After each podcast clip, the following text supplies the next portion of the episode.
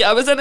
Oh man, ik ga nu eens posten op Instagram, dus ja, je gaat het niet gezien hebben, maar ik heb het even opgeslagen voor de zekerheid. Ah ja, wij zijn Lara en Silke van de Volksjury. Dit is inderdaad aflevering 91. Maar zo goed, Silke, kijk naar jezelf. Ja, ik beloof dat we het nog eens posten als de aflevering online staat. Maar zo zonder geluid. Ah, heel goed, ja, ik moet dit nu posten. Voilà, het is gepost. Ja, mannen, heel goed gaan hierop. Ehm, Misschien een beetje context geven bij wat dat mensen Ja, dus exact gezien gaan Het hebben. is, jullie weten dat niet, want ja, dit is... Ik ga wacht even mijn gsm op stil zetten, want anders is het eerste beat, bla bla bla. Ehm, als wij opnemen, al, sinds we ons nieuwe apparatuur hebben... Tanneke. ehm, Tanneke, Tanneke 2, eh, Still Alive, Stay Strong Girl.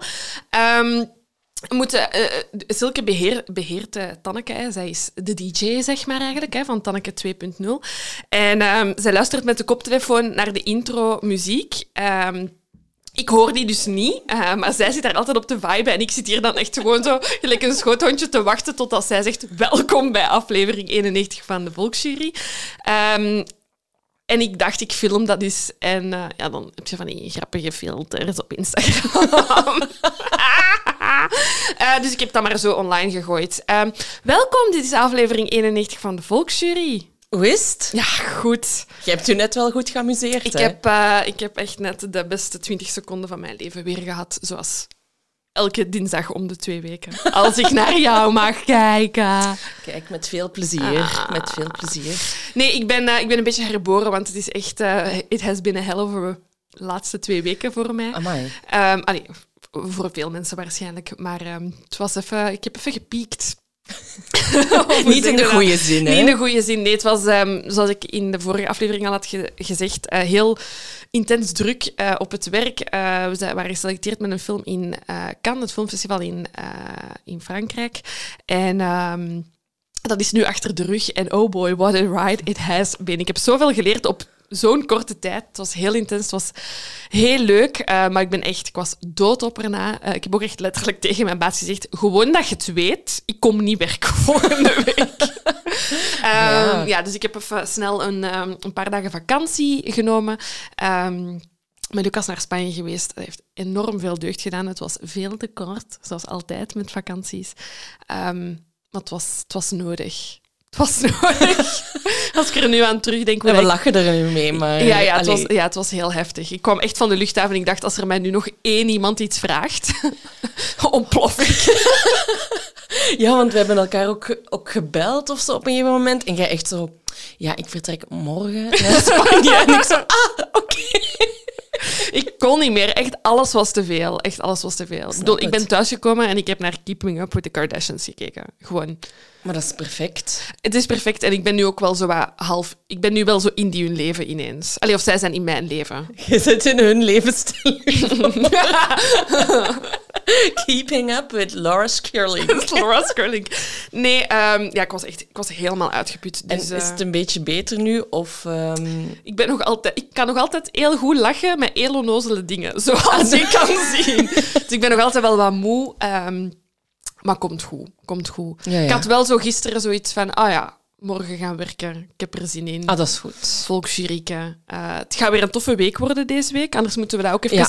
ehm, aanhalen. Deze aflevering komt online op donderdag. Eh, en dus voor jullie morgen, vrijdag 10 juni, eh, hebben wij een evenementje. Een klein evenement. Een klein evenementje in Brugge. De bibliotheek van Brugge heeft ons uitgenodigd voor een thrilleravond, plaats Delict, te hosten. Ehm, we gaan daar met Bavo, het, het is heel leuk, het evenement heet Bavo Dogen en Tony Koppers voor de volksjury. dus eh, we gaan het niet voordelen, maar we gaan met die twee misdaad-auteurs, thrillerschrijvers eh, praten over hun werk, over ons boek. Eh, een gezellig onderrondje. Ehm, voor onze trouwe luisteraars die weten dat we Tony al eens hebben ontmoet, dat dat heel plezant was. Ehm, ik ga stoppen met stemmetjes na, na het Ze is doen. moe? Ik ben moe. Sorry, vergeef mij. Ehm, dat was heel leuk en ehm, ja, we konden daar nog uren mee praten. En dat is dus wat dat we in Brugge gaan doen. En ik geloof dat er nog een, beetje, een klein beetje plaatsen vrij waren. Ja, Ehm, dus maar ja, niet veel. niet veel. Het is verplicht om je in te schrijven. Kom af. Het gaat leuk zijn. Eh, wij gaan daar zijn, zij gaan daar zijn. We gaan allemaal boeken mee hebben. Eh, wie dan nog een gesigneerd boek wilt, deze is het moment. Je geen, geen stemmetjes meer. Ik kan niks meer beloven. Ik kan niks meer beloven. Ehm, verder, hoe was uw week? Ja, wel prima eigenlijk. Geen zotte kattenverhalen? Ja, ja, uiteraard wel, hè. Uiteraard wel. Het is al Ik lang weet geleden. ik weet het al en ik dacht, Ik haal er nog eens... ik haal nog eens een kattentraumaatje bij. Joost, Joost, eh, het is weer, weer, weer Joost. Ja, zorgenkind, hè? Oh, wij zijn op weekend geweest, het vorige verlengde weekend. Mhm. Wij komen thuis. Het was, eh, wij waren donderdag, vrijdag weg. S'avonds komen wij thuis vrijdag. En wij zien opeens dat Joost, ja, dat is heel vies, een mega absces heeft in zijn nek. En dat is zo helemaal open, het ettert. Vies. Dus wij zo, oké, we moeten nu naar de dierenarts. Ah, dat is ook... je komt thuis van een weekend. Maar echt, we hadden ook Oh. zo we hadden frietjes besteld. Ah. Dus wij zo bellen van, ja, kan het iets later? Want allee, zo, we hadden eigenlijk... Die frieten moeten opgegeten Het worden. is heel belangrijk. Joost is ook belangrijk. Dus wij, bon, het was zes uur net toen wij thuis kwamen. Dus dan betekent dat dat je naar de dierenarts van wacht moet. Betaalt je ook daar wat blauw aan. Ja. Ehm, dus wij naar daar, die hebben dat verzorgd en zo, allemaal goed en wel. Joost ontsnapt naar buiten een paar dagen later. Die komt terug binnen met een gapende wond. Terug in diezelfde, allee, hè, op dezelfde plek. Helemaal gevochten ook weer en zo. En eh, wij terug naar de dierenarts. En nu moet hij nu dus een kapje dragen, omdat ja, hij krabt dat open en het is genaaid, et cetera. Dus nu ligt hij hier een beetje depressief te wezen, maar het is voor zijn eigen welzijn. De vraag die op iedereen zijn lippen brandt. Hebben jullie ondertussen een teambeurtenkaart bij de dierenarts? Ik denk dat we ondertussen al een honderd beurten hebben. De dierenarts, ik weet niet of ik dat al gezegd heb, heeft ook zo wel eens gezegd van je moet nu niet betalen, ze, want allee, jullie zijn goede klanten. En dan denk ik, ik weet niet of dat iets goed is in deze context. Allee, zo, als je bij een of andere winkel, daar wil ik gerust een goede klant zijn en is niet betalen. Maar hier denk ik, hmm, is niet de context dat ik een, eh, een goede klant wil zijn. Maar bon, hij is aan de betere hand. Hij is zo wat aan het mokken met dat kapje aan.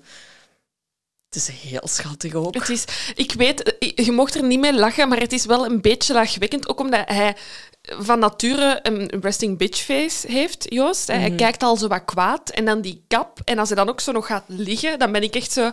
Ah, Joost, you're a mood. zo voelde ik mij na kan. En weet je wat dat ook eh, sad, but still funny is? Is dat als hij zich wil wassen, dan likt hij dat kapje. Want die raakt niet. Zoals een T-rex met de kleine handjes. Ja, exact. exact. Maar bon, we gaan het hem nog twee dagen of zo aanlaten. En dan, ehm, dan geven we hem zijn vrijheid terug. Maar het, is, ja, het was wel echt moeilijk, want het is zo voor zijn eigen bestwil. Maar het is ook zo wel heel zielig, omdat die moest daaraan wennen. Hè. Opeens zit er zoiets rond zijn nek en zijn snorharen komen daar tegen. En hij pokte overal tegenaan. Maar dan zo, oké, maar hij gaat hier wel aan gewend raken. En ja, hij- zoals je ziet, hij loopt eh, er al veel beter mee rond, maar is wel boos op. Hij is boos, hè? Ja, ik zie het. Ja, dus um, bon, dat gezegd zijnde, hebben wij toen wel een heel leuk weekend gehad. Dat was het even drama toen we zijn thuisgekomen. Maar eh, ook dit verlengde weekend was, was superleuk. Eh, We zijn bij onze families op bezoek gegaan. Eh, we zijn ja, bij mijn ouders nog eens eindelijk voor de eerste keer mogen gaan zwemmen. Ja, met Ah. brag, Mijn ouders hebben een zwembad en dat is echt de leven. Dat is Het de echt leven. de leven. En dan mijn papa had ook zo voor de eerste keer dit jaar gebarbecued. Dus voor ons was dat zo de officiële start van de zomer. En dan nu regent het. Dus het was zo wel even zo... Maar kijk, de zomer is een aantocht. En I love it. We zijn I er- love that for me. I love that for you. Ja, en voor de hele wereld. Ehm, Exact. ik was in Spanje. Eh, daar was het wel goed weer trouwens. Eh, Dat is goed voor u, hè? I love that for you. dat meent ze niet, maar toch. Ehm, ik heb heel wat boeken gelezen. Mhm. Eh, ik ben ja, helemaal in die... eh eh, Roxanne, van de, de- het vorige boek dat ik heb getipt vorige keer... eigen welzijn eerst. Ehm, ik heb een ander boek van Roxanne van Ipperen, denk ik. Ja, Roxanne van Ipperen. Oh, ik hoop dat ik haar naam niet aan mij Nee, nee. Eh, gelezen Het Hoge Nest. En ik geloof dat ook heel veel mensen ehm, die naar onze podcast luisteren, die de, eh, de Anne Frank special konden pruimen, eh, die dit boek ook wel echt gaan appreciëren. Het was mijn grote droom. Namelijk, ehm, zij koopt een oud huis in het Gooi, hè, waar zij Gooise, ik ken het van Gooise Ja. Vrouwen, maar zo hè, in de groene natuur in de buurt van Amsterdam. Mensen gaan mij haten, want waarschijnlijk is het niet zo dichtbij, maar bon. Hm? Er gaan sowieso berichten komen. Ehm, en ze koopt dat oud huis, ze begint dat te renoveren en ze ontdekt overal verborgen luikjes, eh, dingen achter het behang. En het blijkt dat het een, echt een centrum van verzetstrijd geweest is tijdens Wereldoorlog 2. En zij reconstrueert eigenlijk het hele verhaal van twee Joodse zussen die echt een heel netwerk, verzetsnetwerk eigenlijk hebben. Ehm, ja, geleid tijdens de Tweede Wereldoorlog. Ehm, de familie Frank komt er ook in voor. Het is heel interessant. Het was heel ontroerend. Ik heb er echt dagen mee in mijn kop gezeten. Ehm, ja. Dus een enorme aanrader. En dan een tip eigenlijk voor u rechtstreeks, want jij gaat hem heel goed kunnen gebruiken, omdat ik weet dat jij het ook hebt. Eh, mensen die het niet hebben, misschien wel interessant. Na de Storytel Awards hebben wij een, ehm een goodiebag gekregen. Het was de eerste keer dat ik op een evenement een goodiebag kreeg waar ik enthousiast van, waar zo niet een sneakers in zat, maar daar zat een e-reader in. Exact. Maar weet je wat dat... dat ja, dus sorry, ik ben weer enthousiast omdat... Eén, het was een cadeau en I love that for me. maar dus, ehm, als je een abonnement hebt op Storytel, kun je via die e-reader ook boeken lezen. Dus niet alleen luisteren, maar je kunt ook... Oké, waarom doet je alsof dat jij dit al weet? Omdat ik dat as we speak aan het doen niet. Ik was echt in de zevende hemel. Want het ding is, ik, ik hou echt van het lezen van papieren boeken. Maar ik ben ja, op reis vertrokken met twee dikke kleppers van boeken. Ah ja. Maar die e-reader, ja, dat is om, als je op reis gaat, zeker zo kort, even weg, is dat super handig. Ja, en wat dat ook is met die e-reader, je kunt ook andere boeken op die story... Dus hè, het moet niet specifiek van Storytel zijn. Ja. Dus is een... Die allee, die die e-reader is super handig, want je kunt dus inderdaad tegelijk ook lezen en, En luisteren. luisteren. Ja, ja, allemaal met datzelfde abonnement. Bon, dus ik was echt in de zevende hemel. We hebben nog een code voor Storytel, voor wie geïnteresseerd is. Ik weet niet, wij hebben die e-reader cadeau gekregen na dat evenement, waarvoor echt... Ik ga toch even dank u zeggen. Het want- voelde toch een beetje als goodiebag van de Oscars. Ja, ik was echt zo, oh my god, heeft iedereen dit? Zijn enkel wij dit? Wauw. Ehm, maar dus, wij hebben nog altijd onze kortingscode van Storytel. Dan kun je het zelf proberen. Meer dan 300.000 luisterboeken en e-books. Nu besef ik van, ah ja, tuurlijk kunnen die zoveel aanbieden, want je kunt het ook Ja. lezen. Het, het komt allemaal wat later binnen bij mij, maar ik heb het begrepen. Dus je kunt luisteren en lezen, onbeperkt. En via onze code, 30 dagen gratis. En dat is story.tel slash de volksjury. Ik zet dit ook in de show notes. Ik ben echt gewoon oprecht enthousiast. Ehm, Ja, eh, los van het feit een- dat, dat, dat, dat zij meewerken aan deze aflevering, vind ik het echt... Ja, Voor mij is ook een, een wereld opengegaan. Gewoon van, je pakt dat toestel, die e-reader. We zijn het concept van een aan het uitleggen aan onze luisteraars. Die moeten echt denken, eh, ja, meisjes, dit bestaat Maar al ik zo was, lang. ik, was, ik was daar nooit happig op. Nee. Ik wou altijd een, een echt boek hebben. En nu denk ik, oh, dit is echt super handig. Zo met één vinger kun je dat in de lucht houden. Dat weegt niks, dat is gemakkelijk. En je kunt je leggen hoe dat je wilt. Heerlijk, heerlijk. Bon, helemaal ontdekt. Anyway, nog één keer voor wie wil, eh, story.tel slash de volksjury. Ehm, dan kun je 30 dagen gratis proberen wat dat wij hier allemaal aan het vertellen zijn. En gaat je misschien even amazed zijn als wij. Het is dat. Ik heb ook nog een paar eh, suggesties. Ehm, ik heb Apple TV gewoon ontdekt en daarop staat... wij ontdekken zoveel dingen. Volgende week gaan we het hebben over de eierkoker. Het is ook uitvinding van de eeuw. Ehm, en daarop staat The Morning Show. En The Morning Show, oh my god. Ik heb, wij, hebben dat gebinged. Dat is eh, top, top, top, top cast met Jennifer Aniston, Reese Witherspoon, Steve Carell en nog zoveel anderen. En het is zo'n goede reeks. Het, het gaat eigenlijk over ehm, Jennifer Aniston presenteert The Morning Show, een Amerikaanse, ehm, hoe zegt je dat, Ja, talkshow. Ja, s ochtends, want dat is een concept Ja. dat wij niet hebben. Nee, ik hè. was er daar straks inderdaad ook nog over aan het denken van... Mensen hier luisteren naar de radio, maar wij zetten niet per se snel de televisie op, denk ik, s ochtends of zo. Hè. Maar bon, zij doen dat dus eigenlijk eh, een beetje zo van Giel zijn gasten, maar dan... S ochtends, Maar ze doen ook het nieuws. In, in Amerika staat letterlijk in elke kamer een tv. Hè? Dus mensen, ja, daarmee dat. Denk ik. Dat is waar, dat is waar. En ehm, er komt een MeToo-schandaal naar boven. En het is waanzinnig goed. Er zijn ondertussen al twee seizoenen van, dus ga dat kijken. Ehm, dan heb ik ook nog een, eh, twee podcast-tips. Ehm, de eerste is Bed of Lies. En dat is een podcast van The Telegraph. Zo spreken ze dat dan eh, uit. The Telegraph. The Telegraph. En ehm, er zijn eigenlijk al twee seizoenen. Uh, en die staan allemaal uh, in dezelfde feed. En ik heb uh, in eerste instantie naar het um, tweede seizoen geluisterd. Hè? Waar? Je begint bij het tweede seizoen? Ja, maar het zijn af, losstaande verhalen. Dan nog kan mijn brein dan niet... Ja, ik, maar ik, ben, ik was dat tegengekomen. Dat stond in mijn suggesties. Het tweede mm. seizoen stond in mijn suggesties. Dus ja, ik ben daarmee begonnen. En dan achteraf gezien, er is ook een eerste seizoen. En het tweede seizoen... het gaat eigenlijk over over een schandaal, een gezondheidsschandaal. Dat is losgebarsten in uh, het Verenigd Koninkrijk. En we weten al veel over hoe dat het is misgelopen met uh, AIDS en HIV. Maar dit is een verhaal wat ik nog niet wist. Het is, ik ga er verder niks meer over zeggen, want anders ga ik te veel spoilen. Maar het is ongelooflijk uh, hoeveel mensen er slachtoffer zijn geworden van bepaalde beslissingen die genomen zijn geweest in het kader van de HIV-epidemie. Ga je kwaad zijn? Ja. Oh, ja. En het uh, eerste seizoen, daar ben ik nu ook naar begonnen, maar daar heb ik nog maar een paar afleveringen van geluisterd. Um, dat is ook een schandaal, maar geen gezondheidsschandaal, maar eerder een, een politiek schandaal. Maar wat ik goed vind eraan, is dat er heel veel... Um, ja, goed. Eh, dat er heel veel mensen aan bod komen die zoals jij en ik zijn. Gewoon, het is op, op zulke grote schaal um, gebeurd. Er zijn heel veel mensen bij, bij betrokken geraakt. Um, en die komen ook aan het woord. Dus het begint vanuit het perspectief van de slachtoffers. Leuk, ja. Dus het is, uh, het is ook heel goede storytelling erin. En ook gewoon van fuck, wat is er nog allemaal gebeurd wat wij niet weten? En zo kom je echt in een rabbit hole terecht. Ja, maar dat is, ja... Ja, Bed of Lies staat gewoon op Spotify en zo. En dan uh, heb ik nog eentje, allee, wij hebben nog eentje, en dat is um, The Sorting Hat Revisited, want wij, wij zijn op bezoek geweest bij uh, Shalini.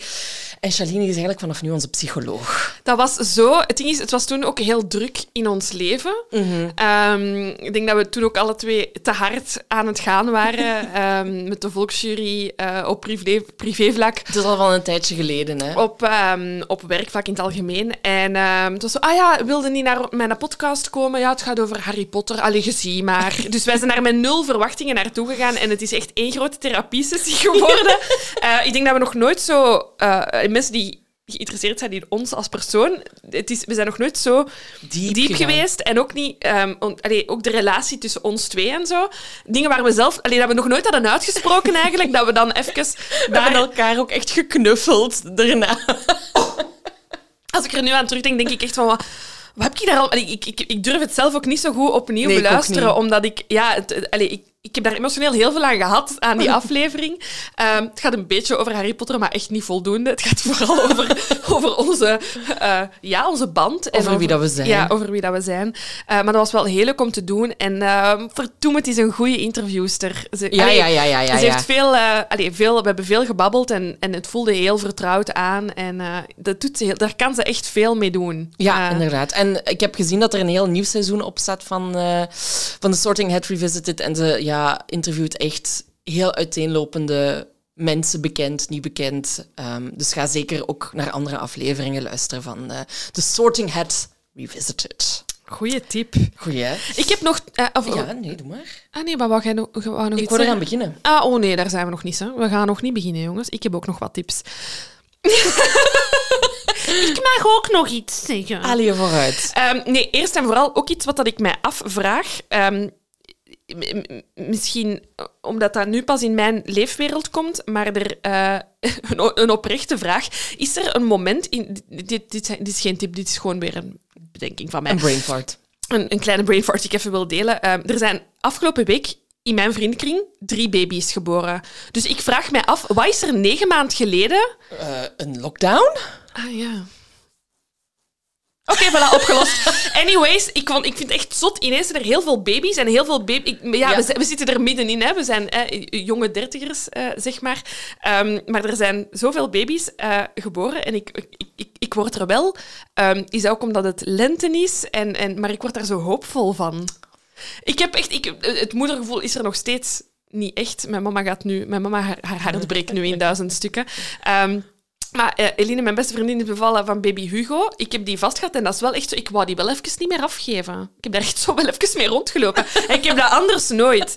Ehm Margot, een vriendin van ons, is ook Ja. terugbevallen van een tweede baby. Baby Marta, ook uh, topnaam. Prachtige naam. Ja, eh, eh, en, nog vrienden van ons, een, een derde baby, baby Obi. Echt, Oh, ja, cute, cute, cute. Maar ik denk echt zo, denk, wat was er negen maanden geleden dat jullie alle, wa- waren jullie allemaal samen? was het een soort van summer of love? Heb ik dat gemist? Ja, maar ik denk dus echt dat corona daarmee naar een rol heeft ingespeeld. Ja, misschien wel. Anyway, ik vond, ik vond het heel opvallend. En, en nu deze week echt nog, nog van mensen die nu dan vertellen dat ze zwanger zijn. Ik heb het gevoel dat ik er... Het heeft lang geduurd, maar ik heb het gevoel dat nu heel mijn vriendenkring... Ja, we zitten ook wel in de ik leeftijdscategorie. weet het, maar het is zo... It started. Nu zo ineens zo'n boom. Echt een, een baby boom. En verder ehm, wil ik een oproep doen. Ik ga hier waarschijnlijk spijt van krijgen. Maar ik zit diep, dat is ook direct mijn, ehm, in, in een van mijn twee tips. Diep, diep, diep in het laatste seizoen, het nieuwste seizoen van Stranger Things. Ehm, ik was sowieso al obsessed van de eerste drie seizoenen, maar dit seizoen is echt wauw, magistraal, ziek goed. En ik vraag mij af, eh, zijn er mensen van ons die luisteren die met mij Dungeons and Dragons willen spelen? Ik kan het niet. Ik ga, allee, het gaat waarschijnlijk met handen en voeten, maar ik wil dat eens meemaken. Het ziet er echt heel plezant uit. En ik lees het nu overal. Mensen zijn het... Ah ja? Het is een ding. En kun je dat zomaar eenmalig spelen of moet ik mij echt zo committen zoals een secte? Want ik wil het overwegen, hè? maar ik, ik wil het graag op voorhand weten of ik zo één keer kan meespelen of niet. Ah, gaat dat zo ver inderdaad dat je... Ja, het ding is, de- de- en dat is natuurlijk fictie, want het is Stranger Things, maar daar lijkt het wel dat je zo wekelijks moet afspreken en zo moet verder gaan. En, en, en Silke, is, Silke wil al niet meedoen, dat is duidelijk. Maar het begint al met het feit dat dan een dobbelsteen Als ik mij met- weer wekelijks moet committen aan iets... je weet waar dat het eindigt. Hè? Ineens hebben we een podcast en ze zijn vijf jaar verder. Nee, anyway, ik, ik wil het echt één keer spelen. Ik speel super graag gezelschapsspelletjes. Lucas haat gezelschapsspelletjes. Ik wil, ehm, ik wil het eens... Of gewoon eens komen kijken hoe dat mensen dat spelen. Zo wat in een hoekje gaan kijken. Lach me niet uit. Oké, dan geef ik... ehm eh, allee, als iemand... eh, stuur mij een bericht. Ik, wil, ik, ik meen het echt. Stuur mij een bericht. Ik wil komen Volgens mij kijken. bestaat er ook een podcast over. Ja, maar dat is dan weer een stap te ver. Ik wil Ah, je moet eerst ik- weten. Instapmodel. Instapsecte. Een keer gaan kijken. Een gratis proefles secte. Dungeons and Dragons. Dat. Zo, ja, ik trek aan mijn oog. Ehm, en dan als laatste heb ik nog een, eh, een toffe podcast-tip. Ehm, het enige spijtige is dat het te kort is voor mij. Het duurt echt maar een kwartiertje. Het is Staat er bij de wijn van Elisabeth eh, Ah, ja. Ja, ja, en. Paula. Eh, het is basically onze podcast, maar zonder true crime. Het is gewoon de losse vlodders. Ehm, allee, nee, er, er zit, er, zit- er meer achter. Ze kiezen elke week een onderwerp zonder met elkaar te overleggen. ehm, dat ze loven of haten en daar dan over praten. Eh, en ik was er in Cannes naar aan het luisteren, zo even tussendoor op het vliegtuig, ehm, of voor ik ging slapen. En ik heb een hele week ziek verlangd naar een grote Cola Zero. I know, I ijsblokken en limoen. Oh my god, jij stomme trutten, dacht ik. Ik zat, ik zat daar echt en ik luisterde en ik dacht, ik moet nu de grote cola, zero, met citroen en ijs hebben. Gewoon door die podcast. Ik snap het. Enfin, het gaat over alles en niks, maar het is wel vermakelijk, maar het- het is zo maar een kwartier. En ik ben zo, meer, geef me meer. Snap Maar ja, ik. dat hebben mensen waarschijnlijk met onze podcast ook. Maar anyway, als je dus fan bent van de Losse Vlodders, het is een beetje Losse Vlodder-stijl. Eh, ik denk twee superleuke Ja. madammen. En ik denk heel vaak ook, het, het, het- dat zal ook wel veel doen. Ik denk hetzelfde over de onderwerpen. Snap je? Als zij over iets een mening hebben, denk ik daar vaak hetzelfde Ja, over. ja. Maar ik vind bijvoorbeeld al heel goed dat je over eh, een cola zero met ijs en citroen een kwartier een kunt- kwartier kunt babbelen. ja. Dat is een talent. Maar kijk, wij Dames- zijn ook bijna Ja, ik 25 weet het, ik weet het. Ik weet het. Sorry, sorry, ik had niet zo moeten doordrammen Maar, over... eh, Je bent helemaal niet aan het doordrammen. Maar die- die Stranger Things, en het, het sluit naadloos aan op onze aflevering. Het is Ja. echt... Ik zat in een vibe deze week met de research en dan beginnen kijken naar Stranger Things. Jij hebt gekozen. Ja. Ik had er nog nooit van gehoord. Ik heb één Wikipedia-pagina gelezen en ik heb gelachen. Sorry, ik heb heel hard gelachen. Het is, het, is, het is een bizar verhaal. Bi- dat is het ja. minste wat dat we ervan kunnen Het zeggen. is zo Highland Bizar. Weet je Ja. nog die sectie bij Highland? Bizar, is dat er nog? Waarschijnlijk. Waarschijnlijk wel. Maar in ieder geval, daar zou het staan. Ehm, het is... ehm, eh, we gaan het noemen... De, de, allee, de, ja, ga ik het al zeggen? Nee, nee, de namen. De namen, hè, voilà. Dus ehm, van Manuel Pereira da Cruz en Miguel José Viana. Dus dat zijn de hoofdrolspelers eh, in onze zaak. En ik, ik heb die zaak een paar jaar geleden of zo voor het eerst leren kennen. En dat is toch ook zo eentje dat zo bij mij is blijven hangen. Oh, ik ga dit nooit vergeten. Nee, ja, dit is echt is- zo top 10. Als ik even zonder Ja. gespreksonderwerpen zit, ga ik zeggen... Weet je wat dat er ooit gebeurd is? Deze staat inderdaad al heel lang op mijn lijstje van dat ik wou doen. Maar dan was ik het zo even vergeten. En dan ehm, had iemand het gesuggereerd. Ik ben het uiteraard vergeten. Ja, dat, zo zijn Wie? wij. Wie? Ik ga toch even kijken of dat ik het niet vind. Want ik heb dus eindelijk eens een lijst gemaakt. Jesus, ik ben ook eens een week op vakantie. Hè. Dus eh, voor eh, mensen die, die, die ons al langer volgen, weten dat ik zo bij de secretaresse eh, ben. Ik, ik hou van dingen in lijstjes zetten. Ehm, ik pingpong super graag met Silke. Zij geeft mij altijd heel veel insight, maar ik ben zo... En nu gaan we dat in een lijstje zetten. Liefst een Excel of een Word-documentje. En dan slagen we dat op op onze gemeenschappelijke drive. Dat is hoe het werkt. En ik begin aan mijn research voor deze aflevering. Ik ben een week op vakantie geweest. Ik doe die in drive op. Staat daar een geordend document in? Ja, ja. Suggesties van luisteraars. Ik zo, eh, wat is er gebeurd? en wie heeft jou ontvoerd? En dit geüpload? Het was toch een kleine teleurstelling dat het een Word-document was en geen Excel. Hè? Ja, dus ze heeft, ze heeft een tabel gemaakt in Words. Nee, nee, nee, no judgment, hè. ik, eh, eh, alle begin is moeilijk. Maar ik snap, ja, ik zie gewoon nog het, vo- het voordeel niet van waarom dat, dat in Excel zou moeten. Bon, Ja, gesprek voor later. Ja, je begrijpt zelf Ik heb ondertussen gevonden van wie dat de suggestie komt. Ik ga gewoon snel. Er gaan sowieso echt luisteraars pist zijn. Oh Jesus, heb ik de Excel-community boos gemaakt. Bon, de su- suggestie komt, er was geen naam bij, maar wel een, eh, het komt van Janor op Instagram. Dus eh, bedankt om deze case Terug terug, in mijn te hersenen te steken. Ehm, we zullen er maar gewoon aan beginnen. Hè. Ehm, het is eh, 20 augustus 1966 en we bevinden ons in Rio de Janeiro in Brazilië. Ik heb ook ter voorbereiding heb ik ook even zo Braziliaanse bossa nova opgezet en ik dacht, ik Ach. voel dit helemaal. Love it. Ja, ik zit, maar ik, het ding is, eh, ik, Lucas en ik hebben lang overwogen om deze zomer op vakantie te gaan naar Brazilië. En na deze zaak was ik weer zo, oeh, voilà, ik heb al een daguitstap gevonden. Dat kunnen we zeker al doen. Eh, bon, ik vrees dat het niet Brazilië gaat worden, maar ik was wel zo weer, ah ja, goed land. Ja, toch wel, hè? Ik ben al de hele tijd samba aan het Oké, let's go. En ehm, op die dag, dus 20 augustus 1966 in Rio de Janeiro, ehm, dit, dit gaat er eens naartoe, jongens, echt waar. is, eh, is de 18-jarige Jorge de Costa Alves. Die is met zijn vlieger aan het spelen op de Morro do Vintem heuvel in Rio de Janeiro. Dus die, dat is een heuvel midden van Rio de Janeiro. Ehm, en daar, ja, dus je hebt een heel groot groen gebied, hoe meer je naar boven gaat. En daar rond bevinden zich ook zo Ja, de, woonbuurten. de, stad, de stad is ja, in een dal en daarboven heb je wat meer... Het is, het is, ja, het is van de suburbs hè, van Rio. Ja. Allee, we zijn niet op het strand in Rio de Janeiro, maar wat meer in de suburbs. Ik wil ook even zeggen dat de, de Jorge speelt met zijn vlieger. Hij is wel 18 jaar, hè, dus het is... Allee, Sorry, ik zou ook nog vandaag de dag spelen met ja, een ja, maar vlieger. misschien, ik wil gewoon zeggen dat mensen weten dat het geen kind is. Ah ja, 18, hè? Ja. ja, ja. ja. Ehm, dus die is er Nee, nee, no judgment. Ieder- je mag spelen met vliegers zolang je wil. Dus die is daar wat aan het viben met zijn vlieger. I love that frame. Vinden jullie ons nog leuk? Oh, wat een onzin komt eruit.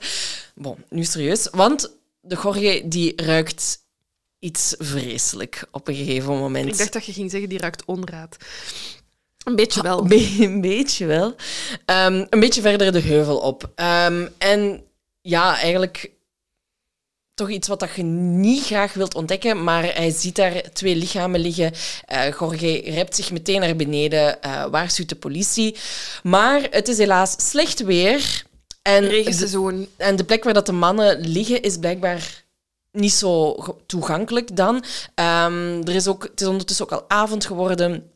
En de buurt rond de heuvel zou vrij onveilig zijn. Dus de politie zelf heeft zoiets van... Daar gaan we niet aan beginnen. Kijk, het zijn gewoon standaard ambtenaren. Die hadden zoiets van, ja, jij belt om één voor vijf. Ik ga naar huis. Ik ga morgen wel kijken. Exact. Maar wel raar, inderdaad. Ze wachten 24 uur om te gaan kijken Ja. naar wat er precies Ja. ligt. En ja, ze treffen dan uiteindelijk de lichamen aan van twee mannen. En ze hebben echt zo meteen iets van... What the fuck is dit? Het is, ja, het is heel vreemd, want er liggen twee mannen duidelijk om het leven gebracht. Allee, of ze zijn dood, hè, want qua uiterlijke kenmerken is er niet echt veel te zien v- qua geweld of zo. Hè. Ze hebben een, een deftig pak aan, ze hebben regenjassen aan. Identiek. Eh, de twee dezelfde, is echt zo een duootje. Maar ehm, er is iets dat naast hen of op hun gezicht ligt. Er, zijn de bronnen... spre- Ja. Allee, maar in mijn hoofd ligt het op hun gezicht. Ehm, dus ze liggen neer, echt op hun rug, alsof dat je aan het zonnebaden bent, naast elkaar op de heuvel. En op hun gezicht ligt een loden masker. Ik weet dat je nu, als je dit hoort, denkt aan zo'n soldeermasker, hè, zo voor als je moet lassen. Maar, Maar- het is eerder een zonnebril, hè, de, de, de, de, ja, de omtrek van een zonnebril. Weet je waar ik aan moest denken? Aan zo'n slaapmasker. Ah, ook goed. Aan een ja. slaapmasker, maar zonder lintje eraan. Om Of, over of ja, een zonnebril zonder beentjes. Exact. Het is echt gewoon dat. We zijn echt naar elkaar zo aan het doen, de, de contouren. Dus eigenlijk, het, het, een loden zonnebril. Er zijn foto's van. Ja. Ik, die gaan we posten. Ehm, en ik, een van de eerste dingen dat ik naar u heb gestuurd is... Dit zou vandaag de dag echt nog een fashion statement Maar het kunnen zal zijn. wel zijn. Het enige probleem is dat, is dat je er niet door ziet. Nee, nee, nee. nee. Dus, Dus dat gaat niet. de politie heeft al zoiets van... Oké, jullie liggen hier sowieso al met twee in dezelfde regia's. Very strange. Dat ding op uw hoofd... Raar. Ja, wat dat ze ook nog vinden is een leeg waterflesje en een zak met twee natte handdoeken in. En ze treffen ook een, ehm, ja, een notitieboekje aan. Ja. En daar staan ook een paar aparte dingen ingeschreven. In eerste Ja. instantie eh, formules die betrekking hadden op elektriciteit. Ja. Maar ook, eh, en dit is vrij vertaald langs mijn kant, ehm, zondag één capsule na de lunch, woensdag één capsule bij bedtijd. En 16.30 uur, wees op de aangewezen locatie. En dan een laatste notitie, 18.30 uur, neem capsules in wanneer de effecten ervan beginnen. Bescherm het gezicht met de lode maskers. Wacht op het signaal. Ja, dus eh, de maskers kunnen al verklaard worden, want die zouden dus inderdaad een, iets Van moeten, een bescherming moeten geven, hè, want dat, dat, geeft- dat, dat staat er in hun tekst ehm, geschreven. Ehm, Maar waarom dat ze dat allemaal bij hadden, of wat, dat, dat de, dat, dat, staat er, dat staat er niet of in. wat de doodsoorzaak is, niemand die het weet. hè. Het enige wat dat ze wel al kunnen achterhalen, is dat de lichamen er op dat moment al drie dagen moesten liggen. Want Jorge, de jongen die de lichamen had gevonden, die had de mannen drie dagen Die eerder wist al eigenlijk gezien. veel te vertellen, hè? Ja, die eigenlijk zei, wel, hè. ik, ik, want het ding is, eh, de Jorge eh, heeft denk ik 90% van onze research gedaan. Ik bedoel, of die heeft echt 90% van de zaak verteld. En toch eh, vraag ik me af, is die jongen ooit verdacht geweest? Ik weet het niet. Ik laat het zo. Ik, dit plant ik al even neer. Maar de Gorge heeft drie dagen eerder, hij vertelde dan aan de, aan de agenten, de twee mannen in levende lijven nog gezien, beneden aan de berg. Ehm, en hij heeft verteld van, ja, ik heb ze de berg zien opgaan, maar het was al eh, vrij donker. Er is op een moment ook een jeep geweest. Ik weet niet of ze daar zijn ingestapt. Ehm, en dan heb ik ze niet meer gezien. Ik denk dat Jorge elke dag met de vlieger op de berg ging. Love that for him. Love that for him. Want de dag erna ging hij op de berg en had hij de mannen ook zien liggen op de plaats waar hij ze later heeft gevonden. Maar hij dacht dat ze toen aan het slapen waren. Ja. Hadden ze dat masker al op? Ja, waarschijnlijk. Raar. Dacht hij misschien... Was hij ver en had hij zoiets van, ah, die liggen te rusten en die hebben een zonnebril Mhm. aan? Ik weet het niet. Bon, raar. En dan de derde dag heeft hij ze dan ja, doodgevonden. Omdat Omdat, hij toen het rook. Dat het, eh, verder ehm, hebben de mannen nog ehm, ticketjes van die regenjassen eh, op zak. Die hebben ze eigenlijk gekocht net voor ze aan de hike naar boven eh, begonnen. Net zoals het, ja, het ticketje van het waterflesje. Moet een systeem zijn. Ja, ik denk dat ze nog geen wegwerpplastieke flesjes hadden in de jaren 60. En ze konden met dat ticketje eh, dat, die fles terugruilen voor geld. Geld. Ja, gelijk dat je nu op de festivals zo uw beker Ja. terugkrijgt. Ehm, dus eh, het feit dat ze dat bij hadden, wil toch zeggen dat ze ervan uitgingen dat ze die, dat flesje gingen terugbrengen. Allee, bon, raar. Verder hadden ze ehm, een heel klein beetje geld op zak, maar er wordt wel gezegd dat, ze, dat, dat de mannen voorafgaand aan hun tocht veel meer geld op zak zouden hebben gehad. Meer dan voldoende. Ze hebben dat dan omgerekend om een kleine tweedehands auto te kopen. Ja. Dus ik denk dat we hier rond de 2000 euro Ja, ik dacht ook dat ik al ergens had gezien dat het rond de 1300 Ah ja, of ja, zo zat. voilà, Ja, kijk. Ehm, en dat is waar dat de onderzoekers het mee moeten... Allee, de politieagenten het mee moeten doen. Ja. Ze komen er dan wel achter wie dat de mannen zijn. Ik heb niet gevonden hoe dat ze dat achterhaald hebben. Ehm, ik heb daarover gevonden omdat ze dus in dat notitieboekje heb je enerzijds dat schema van die capsules en anderzijds al die elektronische Formules. eh, elektronische. Ja. Ehm, eh, de- ja, het zijn formules enerzijds, maar anderzijds ook zo codes voor ehm, ja, onderdelen van, van elektriciteit. Eh, ik- zoals jullie zien, hebben wij hier niks. geen ervaring mee. Maar ik ga ervan uit, zo productnummers van een lamp E5, bla bla Ja. bla, die kabel. En dat zijn allemaal codes. Hè. Ehm, en ze hebben die codes dan gecheckt en dat zijn effectief codes van, van elektronische onderdelen. En zo zijn ze erachter gekomen dat de twee mannen collega's zijn, twee elektriciëns zijn. En zo hebben ze dat kunnen traceren dat zij effectief aan het werk waren en dat ze ehm, die dag er ook op uitgestuurd waren om elektronische onderdelen te gaan aankopen, te gaan wisselen vanuit hun job eigenlijk. En dat die cijfers overeenkwamen met wat dat er in het notitieboekje stond. Ja. Dus dat dat ook niet, allee, dat dat geen rare codes waren, maar dat dat effectief matchte. Ehm, ja, hun namen hebben we daar straks al Ja. gezegd. Eh, ik heb opgeschreven, Miguel is 34, Manuel is 32. Ze zijn alle twee getrouwd. Ze hebben alle twee kinderen. Ze waren goed bevriend in de community. Ze hadden een, een goede relatie met hun community. En ehm, ze zijn eigenlijk afkomstig van Campos dos Goitacazes. En dat is op 200 kilometer van de vindplaats, allee, van de berg eigenlijk, waar ze gevonden zijn. Dat was ook in de buurt van Rio de Janeiro, maar gewoon een totaal andere outskirt. Dus 200 kilometer van waar dat je werkt en woont, want dat weten we. Dat is wel vreemd. Dat is vreemd, ja.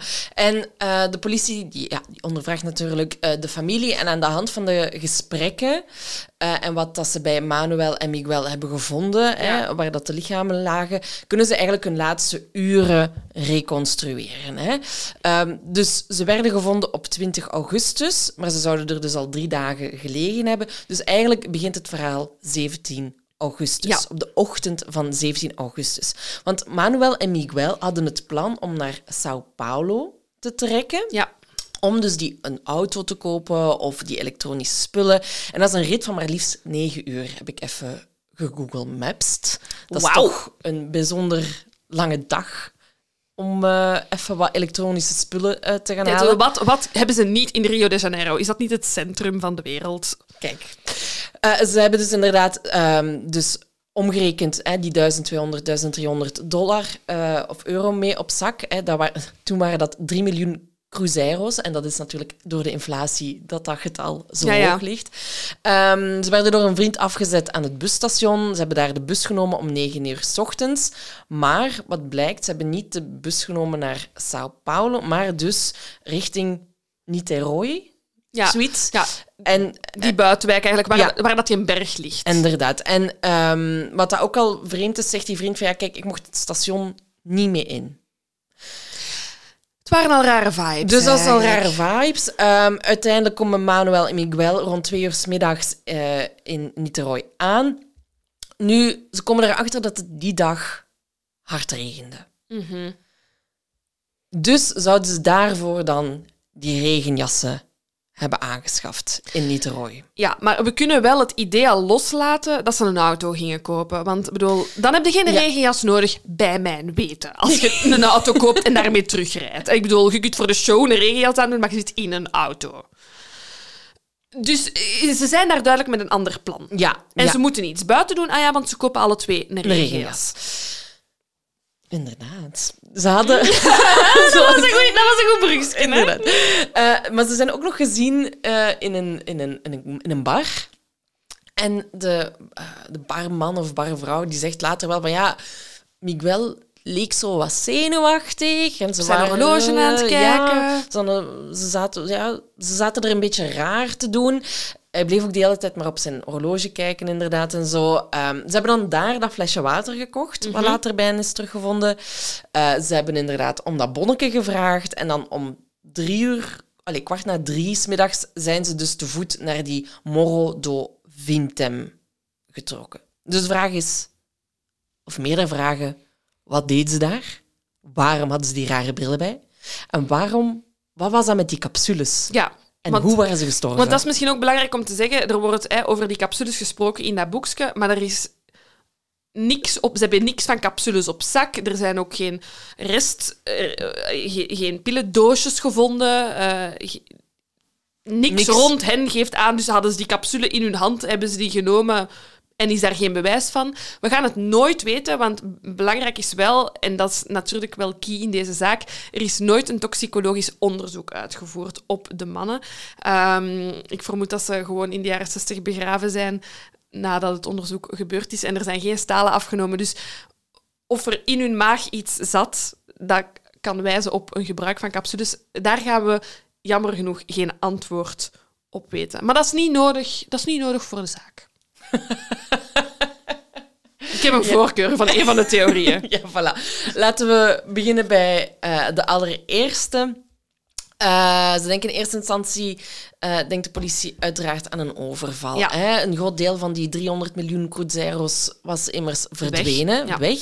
Ehm, bon, ik heb dit nu niet in euro's eh, staan, maar Miguel had nog 157.000 cruzeros bij in een plastieke zak en Manuel nog 4.000.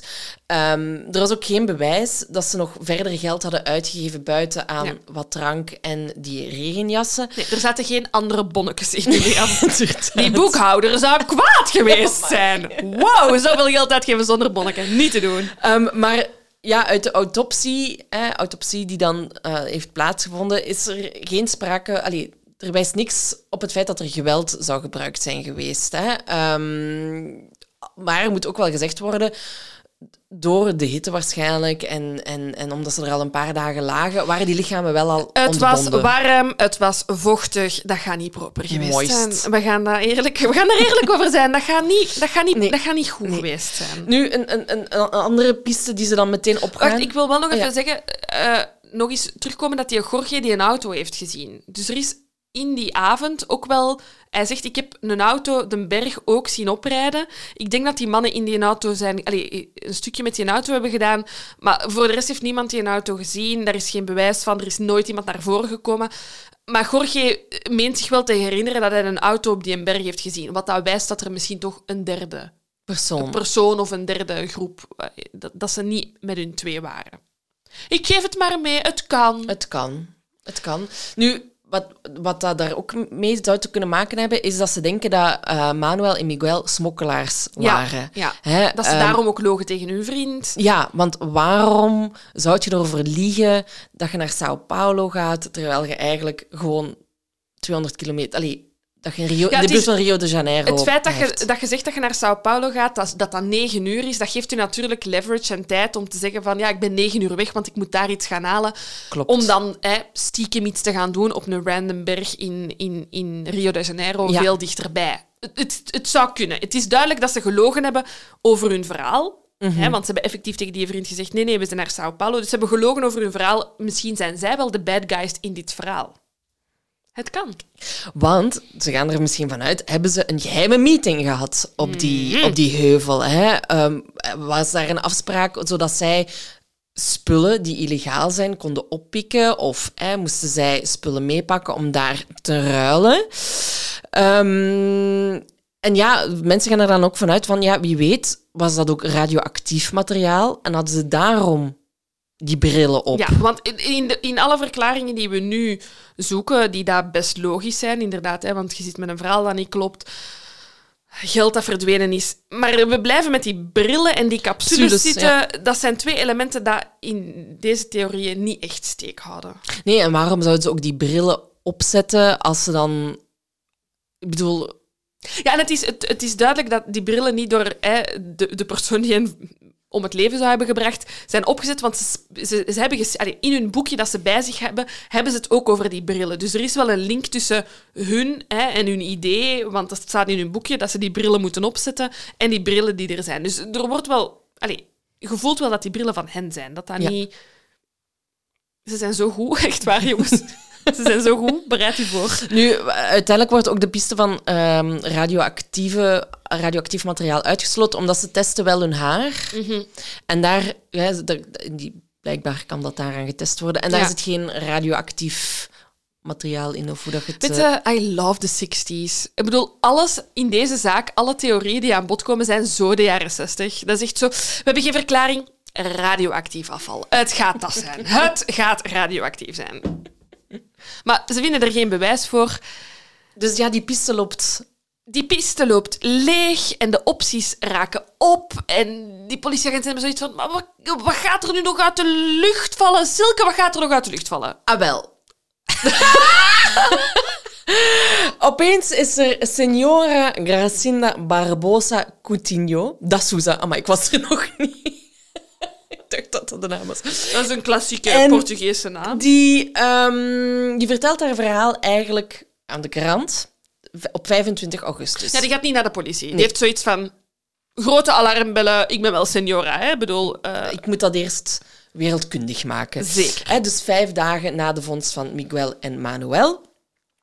En ehm, zij zegt, weet je, allee, wilde nu eens wat weten? Ik heb, en dan hou je vast, een ufo over Morro do Vintem zien vliegen. En de krant gelooft haar, want Want het zijn de jaren 60. het zijn de jaren 60.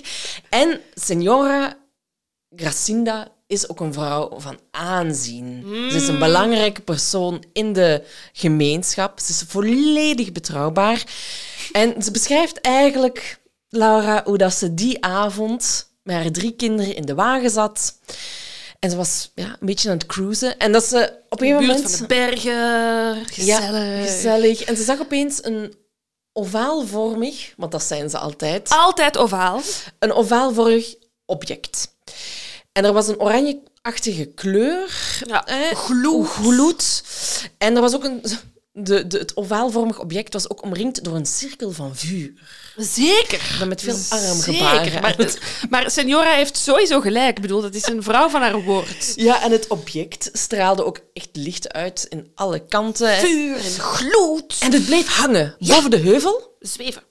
En waar dat het eerst horizontaal was, ging het nu verticaal. Dat kon draaien. Het kon draaien. Het En object. En het heeft daar boven de heuvel een tijdje gehoverd. Toch een paar minuutjes. Vier minuten. Mhm. En het was weg. Ineens was het weg. En dan heeft hij dus allemaal gezien, al rijdend, in haar auto met drie kinderen op de achterbank. Ja. Ongelooflijk. Enfin, ik vind het bijzonder dat ze dat toch wou delen. Vijf dagen na de gebeurtenissen. Vijf dagen waarin dat ze wist dat er twee mannen dood waren op die berg. Ja. Dat nieuws zal ze ook wel hebben gehoord. Eh, de link legt ze zelf niet, hè? Ze zegt zelf, nee, nee, niet, nee, ze nee. zegt zelf niet, misschien hebben die aliens dan iets gedaan met die twee mannen. Maar ze wou toch zeker zijn dat de wereld wist dat zij had gezien dat er een object was. Exact. En ze heeft dat uiteraard ook aan haar man verteld. En die heeft zoiets van, oké, misschien moeten we dit toch even aan de politie gaan melden. De reden ik vind sprak. het, ik, ja, ik vind het straf dat, dat je dat gaat melden. Dat je niet denkt van, als ik dit nu ga zeggen, is heel mijn reputatie om zeep. Maar dat is dus echt mijn grootste angst. Want ik ga, bedoel, spoiler alert, ik geloof 100% in de alien-theorie. Ehm, ik zeg het, ik zit diep in Stranger Things, dus ik, ja, ja, ja. ik, ik, ik, ik trek Senora echt niet in twijfel, dat meen ik. Nee, nee. Ehm, nee, maar dat is mijn grootste angst, om zoiets iets te zien. En niet, niet, geen verklaring te hebben en om dan iemand te vinden die u gelooft. Dan wordt het toch... Allee, je wordt zot, hè? Mhm. ja. Ja, inderdaad, want je bent er zo vast, rotsvast van overtuigd. Ja. Maar bo, het, zijn de, het zijn de 60s. eh, Dat is de periode waarin dat dit alles... ehm, Je hebt Ja. ook Roswell nog. Ik Ja. weet niet of dat, dat ook die jaren Ja, dat is eind 60 jaren is. 50. Ja, ah, wel. eh, dus je, je, zit, je zit in de... Ja, in de moment gewoon. Het is de, de ene ufo na de andere. Ik vraag me af of dat er vandaag nog veel ufo's worden gespot. Oh ja. Ja, maar niet zoveel als toen, toch? Ik bedoel, ziet jij dat vandaag ik nog op denk de ik- voorpagina staan? Nee, maar ik denk dat er onlangs wel eh, nog eens... Ik denk gewoon dat niet dat er nog veel aandacht aan wordt besteed, maar dat er wel onlangs nog eens een artikel is verschenen van eh, dat er meer ufo-meldingen zijn dan weet ik veel wanneer. Weet je wat het ook is met die ufo-meldingen? Ik denk, moest de Amerikaanse overheid, ik kan er eerlijk niet zijn, wat, eer- spelen! wat eerlijker zijn geweest in de jaren 60 met alles wat dat ze hebben uitgestoken, dat veel mensen minder ufo's zouden zien. Ja. Ik denk dat er veel dingen getest werden en gebruikt werden. En... Maar bon, ik geloof Senora. Ik geloof. Voilà, en haar I man... stand with Senora. I love that for her. Stop. Stop hiermee. ik heb echt net voor de aflevering gezegd dat ik dat zinnetje meer ga gebruiken. En nu heb jij het gewoon echt al veel gebruikt. Oké, Senora ziet de ufo's naar de, eerst naar de krant, dan naar de politie. Het is altijd de juiste volgorde. Als jullie twijfelen, altijd eerst naar de krant, dan naar de politie. En wat daaruit volgt, is eigenlijk dat er opeens heel veel mensen ook naar voren komen die dat gelezen hebben en zeggen: Oh, als Senora het zegt. Ah, dat was dat wat dat ik heb gezien. En ineens beginnen mensen uit de buurt van de berg zoiets te hebben van ja, ik had iets gezien, maar ik wist niet wat het was. Maar nu dat je het zegt, het was een ufo. Voilà. Dus de vraag is dan: zijn Manuel en Miguel ontvoerd door aliens? Nou, ontvoerd niet, maar vermoord wel. of, of vermoord, ja. Of Ja. ontvoerd, terugkomen, voor dood achtergelaten. Ja. Nu, uiteindelijk is deze theorie niet zo ver gezocht. Nee, ik, ik, ik hoor jullie nu allemaal denken, Jesus, meiden. We gaan ons toch niet baseren op een dorpje rond een berg in Rio de Janeiro. Nee, zeker niet. Maar er was iemand die zei, die senora, die kan wel eens gelijk hebben. Ja, want de politie praat ook met de assistent van eh, Miguel en Manuel. En dat is de man die hen op, op de dag van, eh, hè, dat ze naar Sao Paulo zullen trekken, naar het busstation heeft gebracht. En zijn naam... Tegen wie dat gelogen is eigenlijk. Ja. Hè? En zijn naam is Elcio Gomez. En hij geeft aan aan de politie dat Miguel en Manuel wetenschappelijke spiritisten waren. En dat ze deel uitmaakten van een geheime groep van honderden elektriciëns. Het is een subgenre. Die, die wetenschappelijke spiritisten waren. Ja, Nu- dus je, kunt, je denkt al, wetenschappelijke spiritisten is al vrij specifiek, maar daarbinnen heb je dus de subgroep van elektriciëns. Gewoon dat je dat weet, jongens.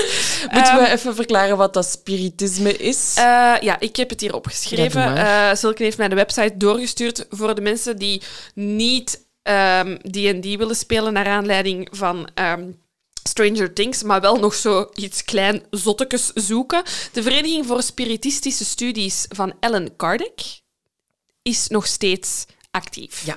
Ehm, Ellen Kardec is, de, ik spreek het op zijn Amerikaans uit, maar hij is Frans volgens mij. Ja, maar ja, het was een pseudoniem. Dus, ja, het eh, was een pseudoniem. Maar Ellen Kardec is de persoon die dat eh, spiritisme heeft, ja, niet ontdekt. Alleen maar ja, in Hij heeft zijn eigen filosofie erover ja, ontwikkeld. ja, het is een organisatie, zeer belangrijk, zonder economische of politieke doelstellingen. Hè. Dus ze willen, VZW. ze willen nu geld niet. Het eerste wat ik zag op die website was uw rekeningnummer. Maar oké.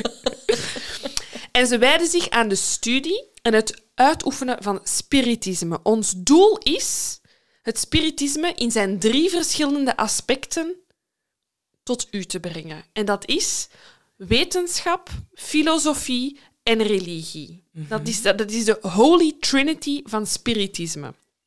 Iedereen is welkom, ongeacht etnische achtergrond, levensovertuiging of nationaliteit. Ze hadden nog altijd... Zulke had, had het niet...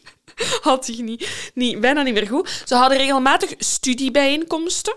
Dus je moet wel studeren. Het is wel... Pressure is on. Eh, je kunt de boeken ook bestellen. Ja, die, die bestaan dus nog, hè. Die boeken van Alan Carr, die in 1800 en zoveel... Ja, en om te beginnen heeft hij dus van elk van de, de drie takken een boek geschreven. Dus één een boek over ehm, filosofie, één boek over wetenschap en één boek over religie. Maar die drie onderwerpen eigenlijk zijn alle drie met elkaar verbonden. En dat is spiritisme. Als je wetenschap aan religie en aan filosofie kunt linken, dan zijt je bij spiritisme.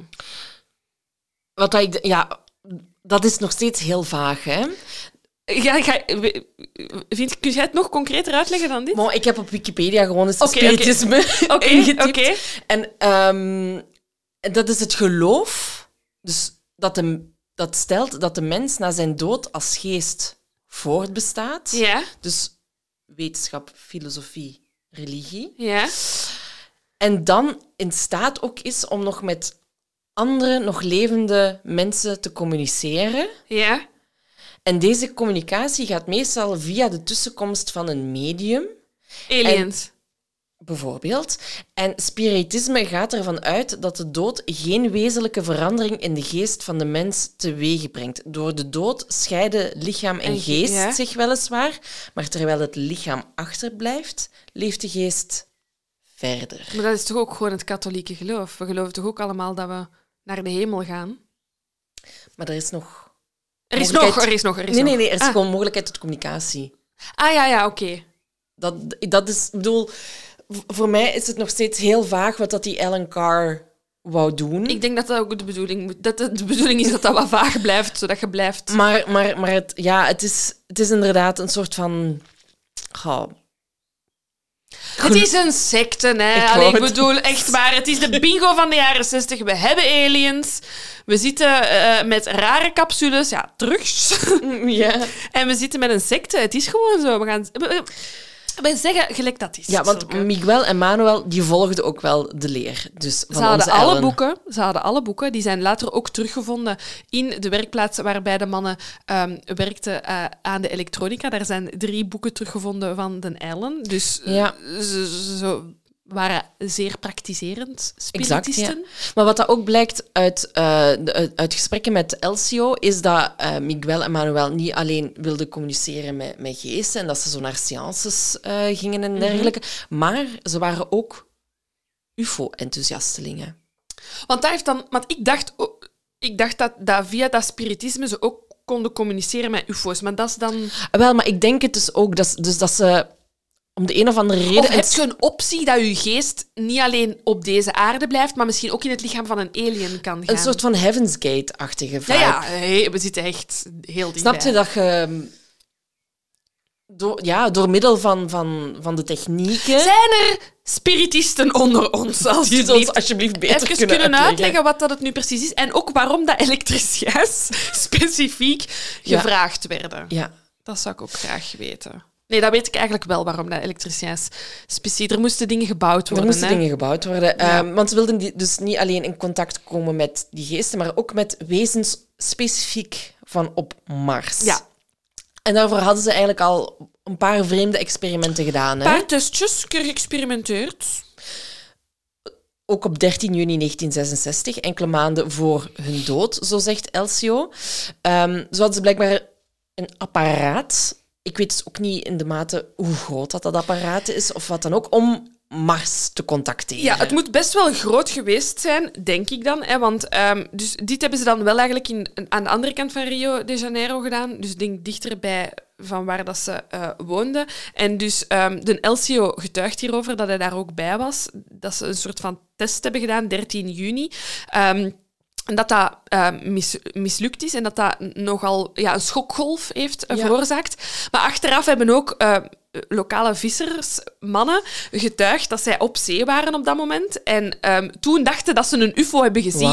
Ja, Oh dus, dus dat er wel effectief ja, iets in de lucht moet zijn gegaan en zij hebben iets in de zee zien vallen. Maar dus nu begin ik ook te denken dat elke mogelijke ufo-sighting is van iemand die probeert om ufo... Snap je dat het gewoon zo de circle of, of ufo-life is? Gewoon, jij probeert om da- naar daar te geraken. Iemand anders ziet dat, die denkt dat dat een ufo is, die probeert om naar die ufo... En snap je Ja, dat ja, ja, zo ja. gewoon een En tandwiel zo blijft van... een mens bezig. Ja, zo blijft bezig. In ieder geval, dus zij, die, die, vis, die vissersmannen spreken ook van een grote explosie. Ehm, en Elcio zei ook van ja, die explosie heeft vijf minuten geduurd. Eh, Wow. Er is een, een grote flash geweest en het heeft ja, echt zo ja, de, de stenen doen daveren. Eh, dus dat het wel echt wat kracht met zich heeft Wat meegebracht. hebben die gebouwd? ja, maar daarvoor moet je dus een elektricien zijn, hè? anders kun je niet meedoen. Aan mij moeten ze niet vragen. Hè? Als je aan mij vraagt hoe zou jij de UFO's contacteren, ik zou. eh, ik, ik kan niks bouwen. Ik kan niks maken. Nee. Nee, ik ook niet. Ik zou op mijn dak gaan staan. Dat is het dichtst Een bij beetje roepen, eigenlijk. We roepen. Hallo. Ha, UFO. UFO. Mars. Mars. Hallo. Bon, wij zouden niet supergoed zijn. Maar in ieder geval, Elcio zegt van ja, ze zijn, ze zijn er al mee bezig geweest. Ja, 13 juni is niet zo. Hè, dus we zijn een kleine twee maand, nee, een dikke twee maand voor hun dood. Ehm, ja, dat moet waarschijnlijk een gefaalde poging zijn. En ze moeten zo gedacht hebben van oké, dit lukt niet. We moeten een andere manier vinden om hen te bereiken. Ja. Maar ja, wat, wat dat ik nog, nog, nog, nog heb over, over dat, dat dat apparaat was ontploft en zo. ehm, en inderdaad, ze vinden die, die boeken. Mhm. eh, maar ze vinden dus ook nog het gereedschap en het materiaal waarmee dat de lode brillen zijn gemaakt. Ja, ja, ja, ja, ja. En ehm, in het boek dat ze hadden gevonden waren ook nog passages onderstreept eh, die ging over intense helderheid. Dus dan kun je inderdaad maar beter je ogen beschermen. En ze hadden goed hun best gedaan, want ze hadden dus dingen onderstreept in die boeken. Dus ze namen Ja. het wel heel serieus. Heel serieus. Ja. Ehm, Maar dan vraag ik mij dan af, allee, ik, ik ga het niet doen, maar heeft iemand dat boek al eens gelezen en ja.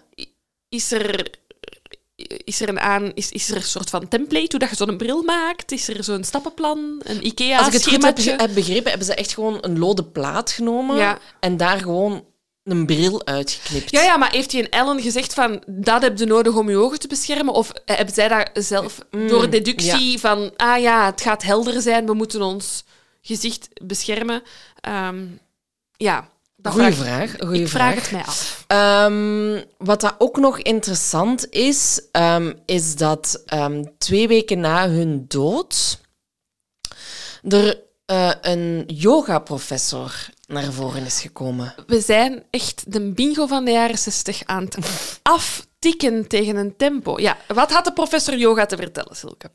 Wel, dat onze community van elektriciens, spiritisten, eh, wel al eens graag psychedelische drugs nemen Ha, daar zijn we. Daar zijn we. Ehm, en het was zijn mening dat Manuel en Miguel ehm, ja, dat dus hadden genomen en per ongeluk een overdosis hadden genomen. Ja, hij heeft zoiets van, die mannen hebben alle twee een zegel LSD in hun mond gestoken. Die zijn een keer goed gaan trippen. Wat dat, wat- het ding is, eh, eh, waarom dat die psychedelische drugs zo belangrijk, allez, zo belangrijk, zo aanwezig zijn eh, in dit soort communities, is omdat zij ook denken, we weten, het, het wordt niet voor niks geestverruimende middelen genoemd, dat ze door het te nemen hun geest ook meer zouden openstellen en daardoor ook ja, sneller contact zouden kunnen leggen eh, met buitenaards wezen. Dus het is niet zo vreemd. Ik heb daarover wel gevonden, recenter, dat een ehm, toxicoloog heeft gezegd het is onmogelijk, wist ik ook niet, om een overdosis LSD te nemen. Behalve als je LSD combineert met alcohol, is het geen drugs waarvan dat je echt... Allee, een cardiaal infarct. Want eh, dat is waar ze van uitgaan, hè, dat, dat ze een hartaanval zouden hebben gekregen. Maar dan is het geen LSD geweest. Dan moet het iets anders geweest zijn, wat ook nog altijd kan. Hè. We zitten echt in Een mix van, van, Ja. van alles in die capsules. ja, we- again, ze hebben geen toxicologisch onderzoek gedaan. Maar van pure LSD zou je blijkbaar niet... Zou je geen overdosis kunnen nemen. Ja. Ah, Oké, dat wist ik niet. Ik weet niet of dat geruststellend of beangstigend is. We gaan gewoon verder. We gaan verder. In ieder geval, we, ik denk dat we nu al wat meer elementen hebben die dat het een met het andere verbinden. Ja, wat dat ik ook nog heb, is dat dus de, de heuvel waarop dat ze gevonden waren een UFO-hotspot was. Zeker. Dus Kijk. Senora is niet de eerste ehm, en niet de laatste die daar een ufo heeft gespot. Dus onze, de, de hoofdtheorie is eigenlijk dus dat onze twee mannen naar de berg zijn gegaan die wezens op Mars, de aliens, hebben willen oproepen. Pogingske 2 eigenlijk. Allee, Ja. Of ja, waarvan we weten. Daar, daar psychedelische drugs waarschijnlijk voor hebben genomen, de brilletjes hebben opgezet, zijn gaan zitten En er is er niets overkomen. en ze zijn dan aan die overdosis gestorven. Of... Dus ja, daar, daar wijst het allemaal op. Maar ik heb toch nog enkele bedenkingen. Ja. Oh, Ik hoop echt dat je hard in de alien-theorie gaat. Nee, sowieso niet. Jij zet altijd de reden van ons twee. Kijk, de, het notitieboekje. Ja. Wat dat er opgeschreven is in het notitieboekje, dat komt niet overeen met het handschrift van de mannen. Dus wie heeft hen die instructies Ja. gegeven? Een van die honderd andere mechanicien spiritisten, hè? En welke signalen zijn er dan gekomen om die bril op te zetten? Want ze moesten wachten. Ze moesten wachten tot op het signaal. Ja, meid, die zaten in een psychedelische trip. Die, die zagen van alles. in de gloria van. Ja, maar die zagen van alles. Ik bedoel, wij hebben die niet gezien. Ik denk dat die om de drie seconden een signaal kregen van het universum. Maar bon, wie, al- ja, oké, dan is dat opgelost. Alsjeblieft, dat is graag gedaan. Ehm, maar bon, het is ook nog steeds niet geweten of dat ze daadwerkelijk die capsules hebben ingenomen. Hè. Er Nee, is- nee, dat, blijven, dat, is, dat is mijn grote frustratie.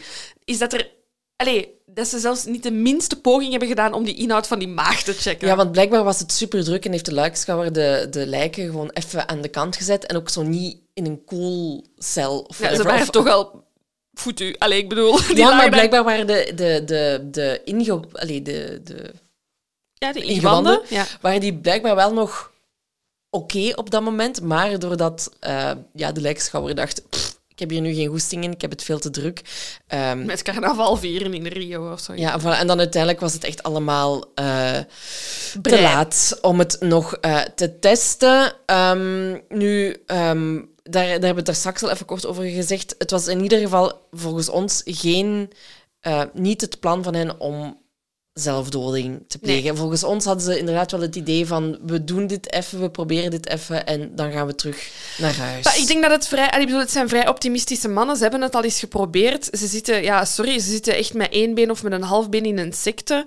Eh, die willen slagen in die pogingen. Ik bedoel, dit zijn twee overachievers die zeggen dat ze negen uur onderweg zijn naar Sao Paulo, maar eigenlijk ja, met goed nieuws willen terugkomen in hun community en zeggen we hebben contact gehad met de aliens. Ja, Want zonder twijfel, bedoel, als die uit die trip waren geraakt, ja, dan, dan hadden die gezegd dat die contact hadden gehad met die Ah, ja. aliens. Hè?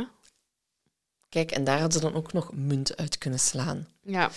Nu, wat, dat ook nog, eh, wat ik ook nog wel grappig vond, ehm, is het element van onze eh Senora Gracinda.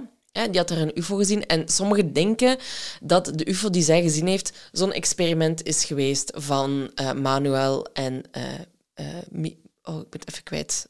Manuel en. Manuel en Miguel.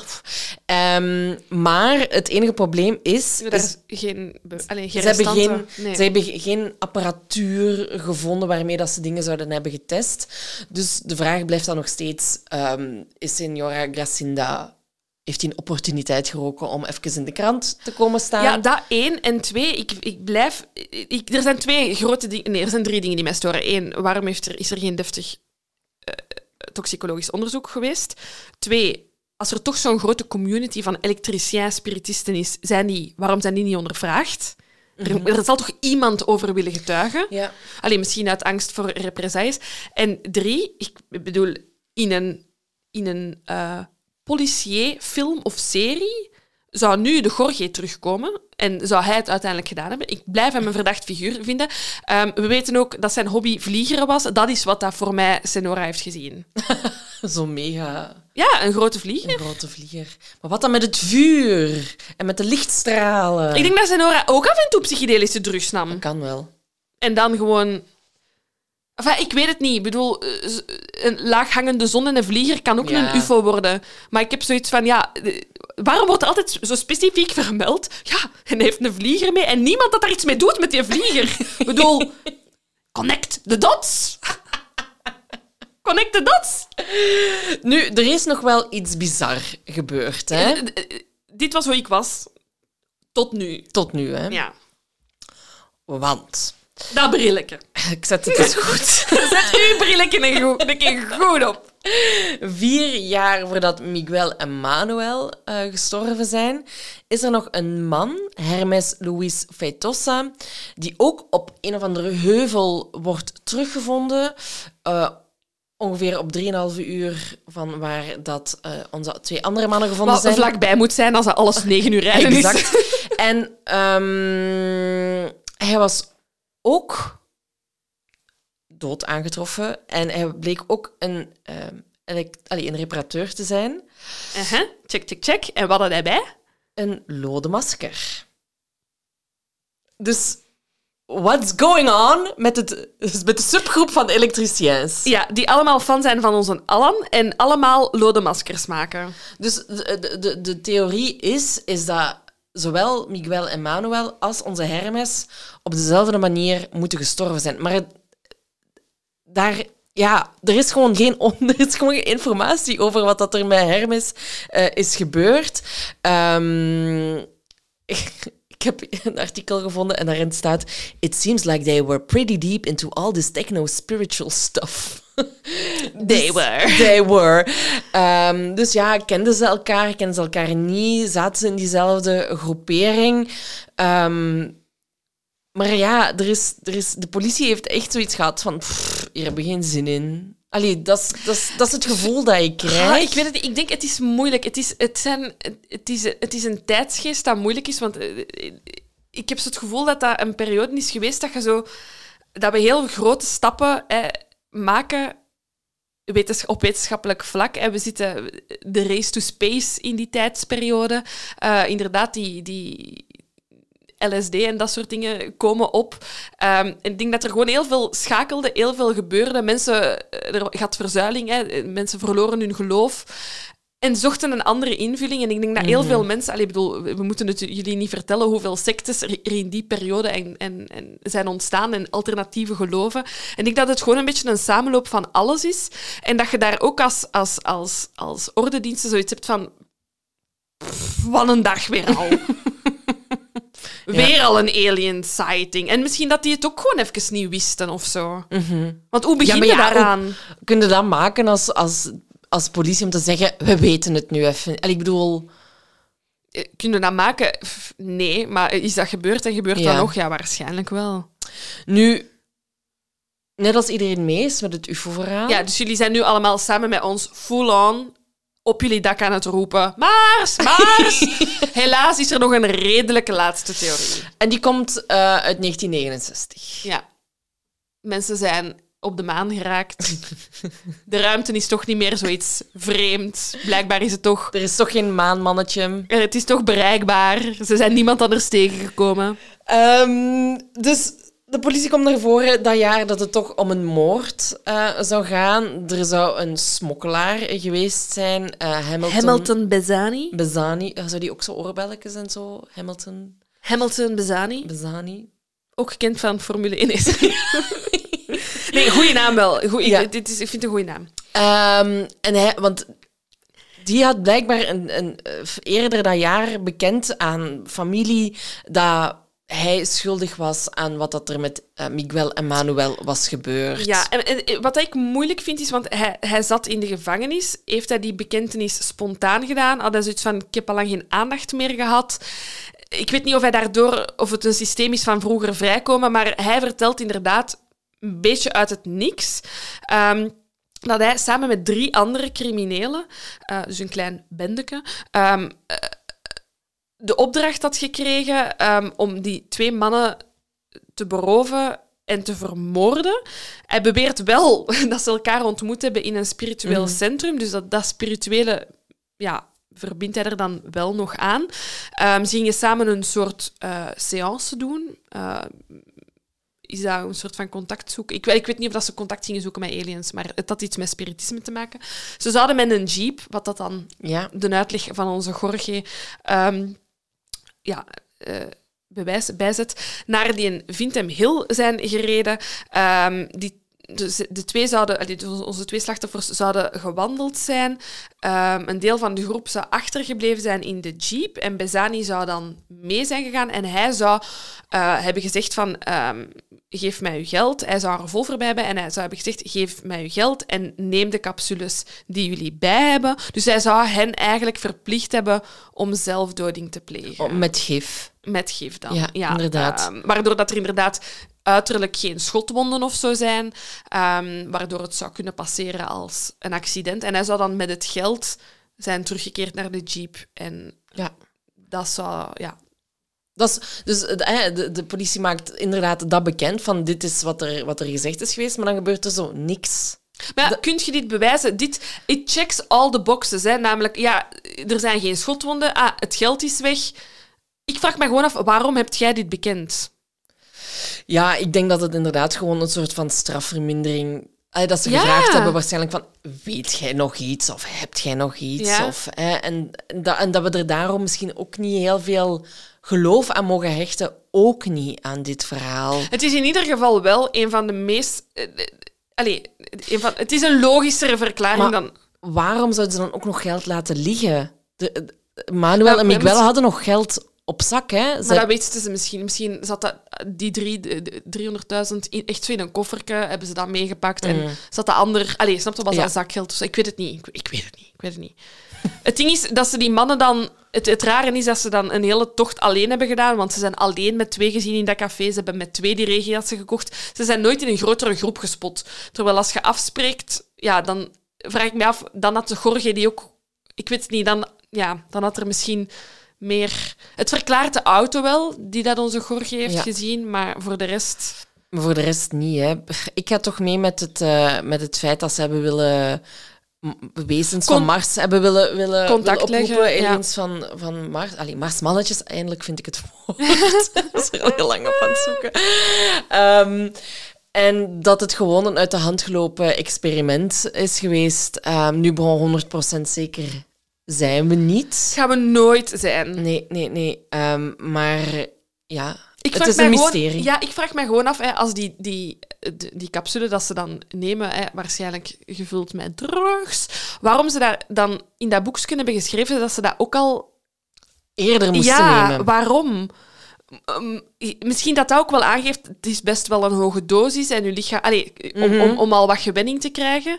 Misschien hè, de persoon van wie ze dat hebben gekregen, dat iets heeft... Dat, dat, dat, zo, ja, weet je, er- dat is de jaren zestig, dat was het begin van... De oorsprong van... Allee, niet de oorsprong, maar dat was nog volop experimenten met dosissen en, en misschien dat de persoon die dat het hen heeft gegeven niet wist hoe, hoe zwaar het was, Ja. wat er allemaal in zat. Ik weet het niet.